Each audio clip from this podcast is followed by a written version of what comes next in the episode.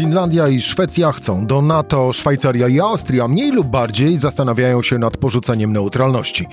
Europa w obliczu agresji Rosji Putina na Ukrainę na nowo definiuje zasady swojego bezpieczeństwa. Tworzy się nowy ład, czy powraca stara? Zimna wojna o tym w rozmowie z Jędrzejem Bieleckim. Rzecz w tym, że taki był dzień. Cezary Szymanek, zapraszam na codzienny podcast Rzeczpospolitej. Dzień 18 maja, środa, Jędrzej Bielecki, dział zagraniczny Rzeczpospolita. Jędrzej, dzień dobry. Dobry. Dzień historyczny? No, z całą pewnością, dlatego że y, mówimy o dwóch krajach Szwecji i Finlandii, które y, dzisiaj oficjalnie skończyły z polityką w pierwszym przypadku dwustuletnią, przeszło dwustuletnią, w drugim przypadku przeszło 80-letnią neutralności, y, no, która im służyła bardzo dobrze. No, pamiętamy, jak Polska wyglądała w czasach komunizmu. Finlandia dzięki tej neutralności, co prawda, była zależna od Związku Radzieckiego, ale mogła sama się rządzić wewnętrznie, stała się zamożnym krajem. Z kolei Szwecja y, od wojen napoleońskich nie angażowała się w żadne konflikty zbrojne, y, suchą nogą przeszła przez pierwszą, drugą wojnę światową, też stała się jednym z najbardziej zamożnych krajów, no a jednak oba państwa zdecydowały się na ten no, bardzo radykalny krok, czyli zerwanie z tą neutralnością i oficjalnie y, wystąpiły o przystąpienie o członkostwo w NATO. No właśnie, ubiegłeś trochę moje pytanie, a mianowicie jak bardzo Finlandia i jak bardzo Szwecja e, są zżyte z ideą neutralności? No ja myślę, że przede wszystkim to, to jest różnica między tymi dwoma krajami. Dlatego rozdzieliłem. Tak, właśnie jeśli chodzi o Szwecję, to tam się mówi o tym, że ta neutralność to jest część, czy była w zasadzie częścią tożsamości szwedzkiej. Y, ona została y, przyjęta dobrowolnie Jean Bernadotte, czyli no marszałek Napoleona, który zdradził y, cesarza i przeszedł na stronę Rosjan, zawarł taki deal z Aleksandrem I 1813 roku, zgodnie z którym no, on poprze Rosjan w wojnie francusko, francusko-rosyjskiej, ale otrzyma w zamian y, Norwegię dla Szwecji, a sam został królem Szwecji w momencie, kiedy y, ostatni z wazów umarł bezdzietnie, no i drogą różnych intryg właśnie Bernadottowie przystąpił wstąpili na tron szwedzki, nadal na nim pozostają. No i wtedy właśnie już mając ten, ten korzystny dla siebie status quo, kontrolując Norwegię, Szwecja postanowiła nie angażować się więcej w wojny, no i tak właśnie już pozostało, to był jej własny wybór. Natomiast Finlandia, no to był skutek no, kompromisu, czy, czy wynik y, wojny krwawej, ciężkiej dla Związku Radzieckiego, ale też dla Finlandii y, tuż przed II wojną światową y, kompromis, który jest korzystny, no ale był narzucony, więc jest to troszeczkę inne podejście. No dwa, jednak Finlandia ma 1300-300 kilometrową granicę z Rosją, to zagrożenie wydaje się bardziej bezpośrednie. Szwecja leży dalej, takiego zagrożenia bezpośredniego nie czuła, no ale w momencie, kiedy zobaczyła, że jak to nazwał dziś król Szwecji, e, że jej bracki kraj e, przystępuje do NATO, no to uznała, że ona też musi pójść w tym kierunku na przestrzeni tych lat, przede wszystkim jeżeli chodzi, bardziej jeżeli chodzi o, o, o Szwecję, nie korciło y, tych krajów, żeby porzucić neutralność? No, to jest dopiero teraz ten pierwszy raz. Y, wydaje mi się, że to jest naprawdę ten pierwszy raz, dlatego że y, owszem, Finlandia po upadku Związku Radzieckiego, po zakończeniu zimnej wojny, była jednym z bardzo nielicznych krajów, które uznały, że jakieś zagrożenie jednak istnieje od strony wschodniego sąsiada, nie zmniejszyła wydatków na zbrojenia, utrzymała system obrony y, y, wojskowej, obrony y, terytorialnej, powszechny pobór, 600 tysięcy ludzi może być w krótkim czasie pod bronią, no ale jednak uznała, że, że nie chce wchodzić w otwarty konflikt z Moskwą, uważa, że może tak balansować. To samo jeśli chodzi o Szwecję, nawet aneksja nielegalna Krymu w 2000 2014 roku nie zmieniła tej postawy, chociaż w przypadku Szwecji rozpoczęła taki program zbrojeń bardzo wyraźny. No ale dopiero teraz okazało się, że taka frontalna y, inwazja y, Rosji na Ukrainę, no to jest już ten punkt, który y, zmienił podejście obu krajów. Zresztą no nic dziwnego, bo przecież mówimy o największej wojnie w Europie od czasu właśnie II wojny światowej. Nie tylko e, podejście rządów obu krajów, ale również podejście społeczeństw obu krajów, no bo w ostatnich e, sondażach e, poparcie dla takiej, a nie innej właśnie decyzji władz Szwecji i Finlandii, poparcie owe deklaruje zdecydowana większość mieszkańców i Finlandii, i Szwecji. Jędrzej, rozstrzygnijmy dylemat. Dla kogo ów fakt, zanim przejdziemy, albo, albo inaczej. Zacznijmy teraz od tego. E, Finlandia i Szwecja e, dziś przekazały, ambasadorowie tych krajów przekazali e, wnioski o członkostwo w NATO szefowi Paktu Północnoatlantyckiego. Aby tak się stało, decyzja musi zostać podjęta jednomyślnie. Tymczasem w tyle głowy mamy stawiającą opory temu Turcję oraz prezydenta Chorwacji, który mówi, że no raczej zatem to on by nie chciał głosować. No tutaj realnym niebezpieczeństwem tak naprawdę jest postawa Turcji, drugiego, jeśli chodzi o liczebność sił zbrojnych sojusznika NATO. E, no dlaczego? Dlatego, że Erdogan do tej pory zajmował takie dwuznaczne stanowisko e, wobec wojny na Ukrainie. Owszem, Turcja przekazywała broń władzom w Kijowie, w szczególności bardzo skuteczne drony, no ale na przykład nie przyłączyła się do sankcji nałożonych przez Unię Europejską, Stany Zjednoczone na Rosję nadal rosyjscy turyści mogą przyjeżdżać do Antalii, na wybrzeże tureckie, do e, Istambułu.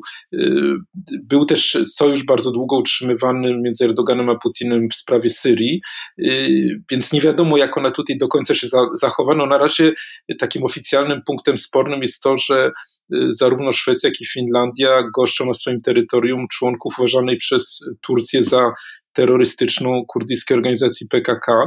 Y, jest też y, inny problem, mianowicie w 2019 roku na wiadomość o zachowaniu Turcji w Syrii, y, o pacyfikacji tamtejszej ludności przez tureckie wojsko, Szwecja uznała, że w tej sytuacji nakłada embargo na dostawy broni dla Turcji, dlatego że nie chce, żeby ta szwedzka broń była wykorzystywana w niecnych celach. No i w tych wszystkich punktach Erdogan chciałby uzyskać, postawić na swoim, zanim wyda zgodę. Jest też kwestia sytuacji wewnętrznej, przede wszystkim gospodarczej. W Turcji inflacja 70% no, powoduje, że, że prezydent jest y, coraz mniej popularna, czekają go wybory, no i jak zawsze, jak w wielu krajach, prawda, takie hasła nacjonalistyczne, no to powodują, że ludzie zapominają na chwilę przynajmniej o swoich codziennych kłopotach, o tym, na ile nieskuteczna jest polityka danego rządu i troszeczkę ta popularność rośnie. Więc z tych wszystkich powodów y, y, Erdogan może przeciągać tą sprawę, chociaż no, na razie wydaje się, że jednak w ostatecznym momencie no, ustąpi, bo inaczej to byłby już absolutnie otwarty konflikt ze Stanami Zjednoczonymi, z Unią Europejską. Jakiekolwiek już szanse na to, żeby kiedykolwiek Turcja znalazła się w Unii Europejskiej, byłby wówczas przekreślone. Mi od razu przychodzi, y, przychodzą do pamięci wydarzenia y, z wojny w Iraku, kiedy to, no właśnie, y, Turcja protestowała przed chociażby otwarciem przestrzeni powietrznej dla amerykańskich, amerykańskich samolotów wojskowych, po to tylko i wyłącznie, jak się później okazało, aby uzyskać odpowiednie wsparcie, wsparcie liczone w miliardach dolarów. Tak może być teraz również?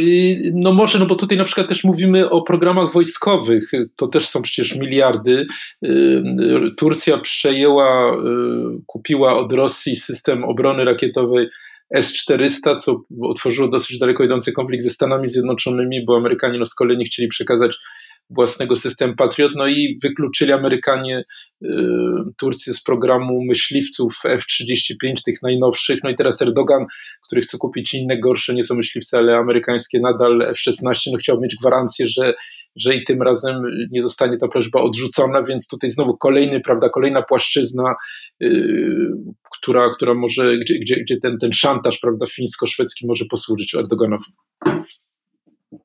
Czyli na koniec dnia tak naprawdę wszystko znów sprowadza się do pieniędzy, ale e, nie zająknąłeś się ani słowem o prezydencie Chorwacji, e, dlatego że decyzję będzie podejmował rząd, który ma większość w parlamencie, a rząd jest za, czy też, no właśnie, czy dlaczego? Znaczy, wydaje mi się, że to jest po prostu nie ta, nie ta liga, nie ten, nie ten poziom kraju, który mógłby w tak kluczowej sprawie e, postawić opór. Zresztą nie tylko, no o tym się mówiło, był też moment, kiedy wspominano o możliwości przyłączenia się do tego, do tego, tego no, weta, nazwijmy, czy, czy blokowania, czy odkładania tej decyzji o poszerzeniu NATO przez, przez Węgry. O tym wspominał węgierski minister spraw zagranicznych, mówiąc, że postawa Erdogana no, powinna być wzięta pod uwagę, że być może jest uzasadniona, no ale potem jak gdyby tam w Budapeszcie ta sprawa trochę przycichła, więc wydaje mi się, że tylko kraj tej skali co Turcja może rzeczywiście tutaj tak ostro zagrać. No właśnie, bo, bo jeszcze Węgry, y, które no, można by było, można oczekiwać, że ze strony Węgier może dojść do y, mocnego y, sprzeciwu. Dojdzie twoim zdaniem? Znaczy, muszę przyznać jedną rzecz, a mianowicie to, że, że dynamika wydarzeń jest e, tak wielka od wybuchu wojny, e, tyle zaskakujących e, sytuacji, prawda? No, zaczynając od tego, że amerykański wywiad no nie, nie przewidział zupełnie, w jak dramatycznym stanie jest rosyjskie wojsko, jak znakomicie Ukraińcy będą się bronili, że, że no nie da się wykluczyć sytuacji, że za kilka miesięcy w jakiejś, nie wiem, desperackim układzie Putin wykorzysta tych swoich przyjaciół na Zachodzie, no ale na razie wydaje mi się, że to jest mało prawdopodobne. No to teraz w takim razie rozstrzygnijmy ten dylemat, e, o którym chciałem rozmawiać kilka minut e, temu. Mm, dla kogo jest to bardziej święto? Dla Szwecji i Finlandii, a właściwie będzie, dla Szwecji i Finlandii, które e, wejdą w skład Sojuszu Północnoatlantyckiego, zyskując tym samym gwarancję bezpieczeństwa.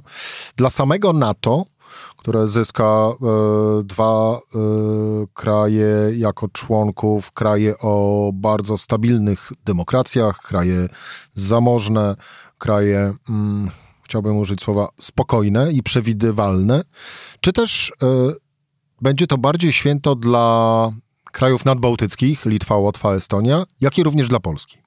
No być może tutaj jak gdyby pokuszę się o taką odpowiedź, że nie trzeba dokonywać wyboru, to znaczy jest to y, święto chyba dla wszystkich. Y, no faktem pozostaje, że y, cały ten proces poszerzenia NATO od 1999 roku od Polski, Czech i Węgier no był poszerzeniem opartym o kraje no, znacznie gorzej przygotowane tak politycznie, jak i gospodarczo i wojskowo yy, i który no, wywołał coraz większe zaniepokojenie, że te gwarancje bezpieczeństwa są rozszerzone na, na, na, coraz szerszy obszar, 30 państw yy, i, co, i co one są warte, prawda? Czy na przykład Amerykanie rzeczywiście będą gotowi yy, rozpocząć wojnę na przykład dla chociażby Czarnogóry.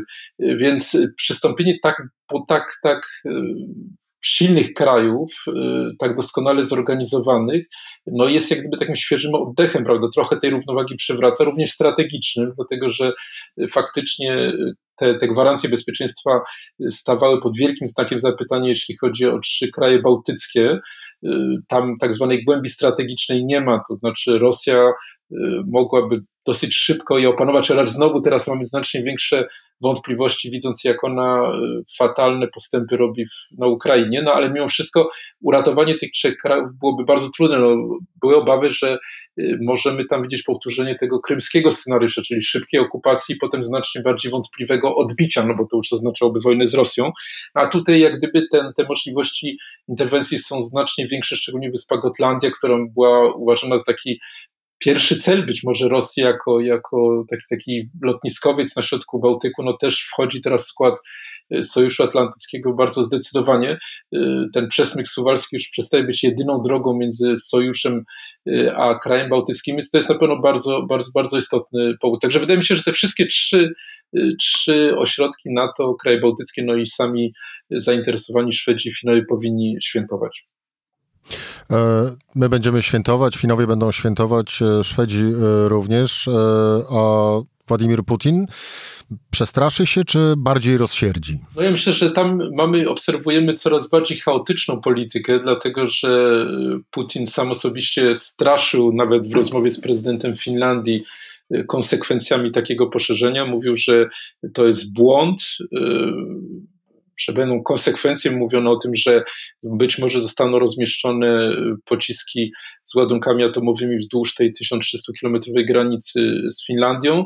Potem y, minister spraw zagranicznych y, Sergiej Ławrow mówił, że nie, że to nie jest żaden problem. Teraz słyszymy, że Gazprom w nocy z 20 na 21 maja chce odłączyć dostawy gazu dla Finlandii, więc to jest dosyć taka chaotyczna polityka, no bo tutaj jest kilka poziomów tej polityki.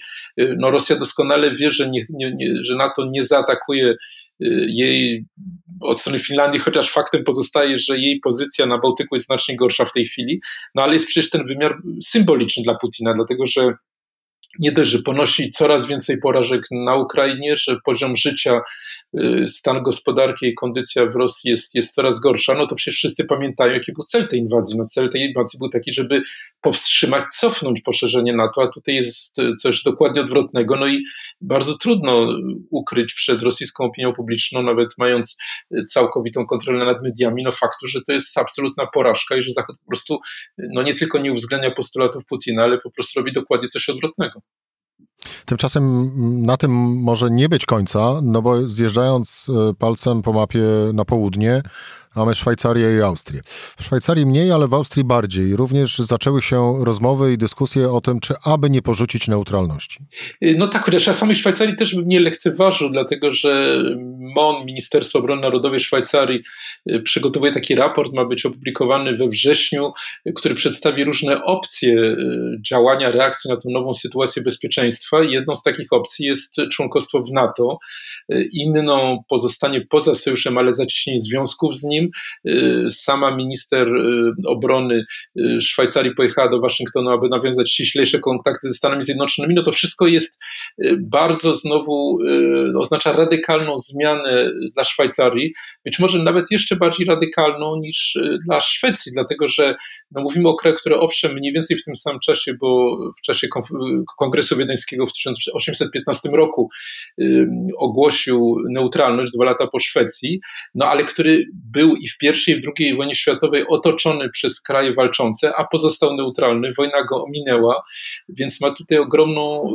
bardzo dużo do stracenia. No a jednak uważa, że y, temat jest, że należy rozważyć przynajmniej poważnie taką, taką właśnie takie opcje. Natomiast jeśli chodzi o, o, o Austrię, no to tutaj y, kanclerz Austrii twierdzi, że Austria była jak mówi, neutralna, jest neutralna i pozostanie neutralna, że ten status jest zapisany w konstytucji austriackiej, y, no ale y, Mamy nawet dzisiaj taki list 50 czołowych ekspertów austriackich od spraw bezpieczeństwa, którzy mówią, no nie, jednak trzeba taką debatę otworzyć, jeżeli jesteśmy krajem demokratycznym, to nie możemy od tego uciekać, to jest fundamentalny moment. Podobnie sądzi opozycja. No pamiętamy, jak y, stopniowo zmieniała się polityka niemiecka wobec Rosji, y, więc tutaj w Austrii być może y, nawet wiele na to wskazuje, że jest to również początek znacznie głębszego procesu. Jędrzej, to w takim razie wróćmy do pytania postawionego przeze mnie na samym początku. Tworzy się nowy ład, jeżeli chodzi o bezpieczeństwo, czy też wracamy na dobre do tego, o czym pewnie większość y, słuchaczy mogła czytać w książkach, czyli do zimnej wojny. No ja bym powiedział, że jednak to jest nowy ład, dlatego że no już mieliśmy kilka przykładów w kraju, prawda? Szwecja, Szwajcaria, które znacznie dłużej były neutralne niż tylko w okresie zimnej wojny, więc to jest coś, co wykracza z ich perspektywy y, poza właśnie tą konfrontację Zachodu ze Związkiem Radzieckim.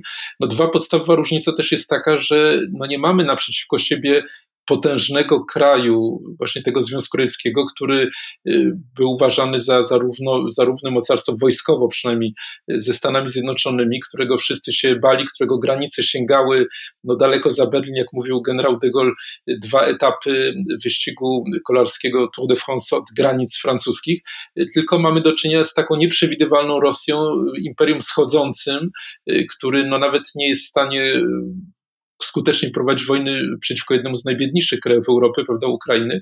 Więc jest to, jest to na pewno nowa sytuacja, ale też spełnia się ta prognoza, o której mówił Joe Biden już na samym początku tego konfliktu, że y, nie ma trzeciej drogi, że albo jest się po stronie demokracji, praworządności, wartości Zachodu, y, albo się jest po drugiej stronie, po stronie Rosji. No i okazuje się, że właśnie kolejne kraje dochodzą do takiego właśnie wniosku, prawda? To znaczy, można być albo po jednej stronie, albo po drugiej, nie ma miejsca już po środku. Jędrzej Bielecki, dziennikarz e, działu zagranicznego Rzeczpospolitej, był moim gościem i Państwa również. Dziękuję Ci bardzo za rozmowę. Dziękuję bardzo.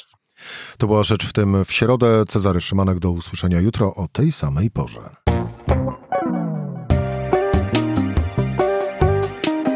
Rzecz w tym to codzienny program Rzeczpospolitej. Od poniedziałku do czwartku o godzinie 17. Słuchaj na stronie podcasty.rp.pl. Włącz Rzecz w tym w serwisie streamingowym.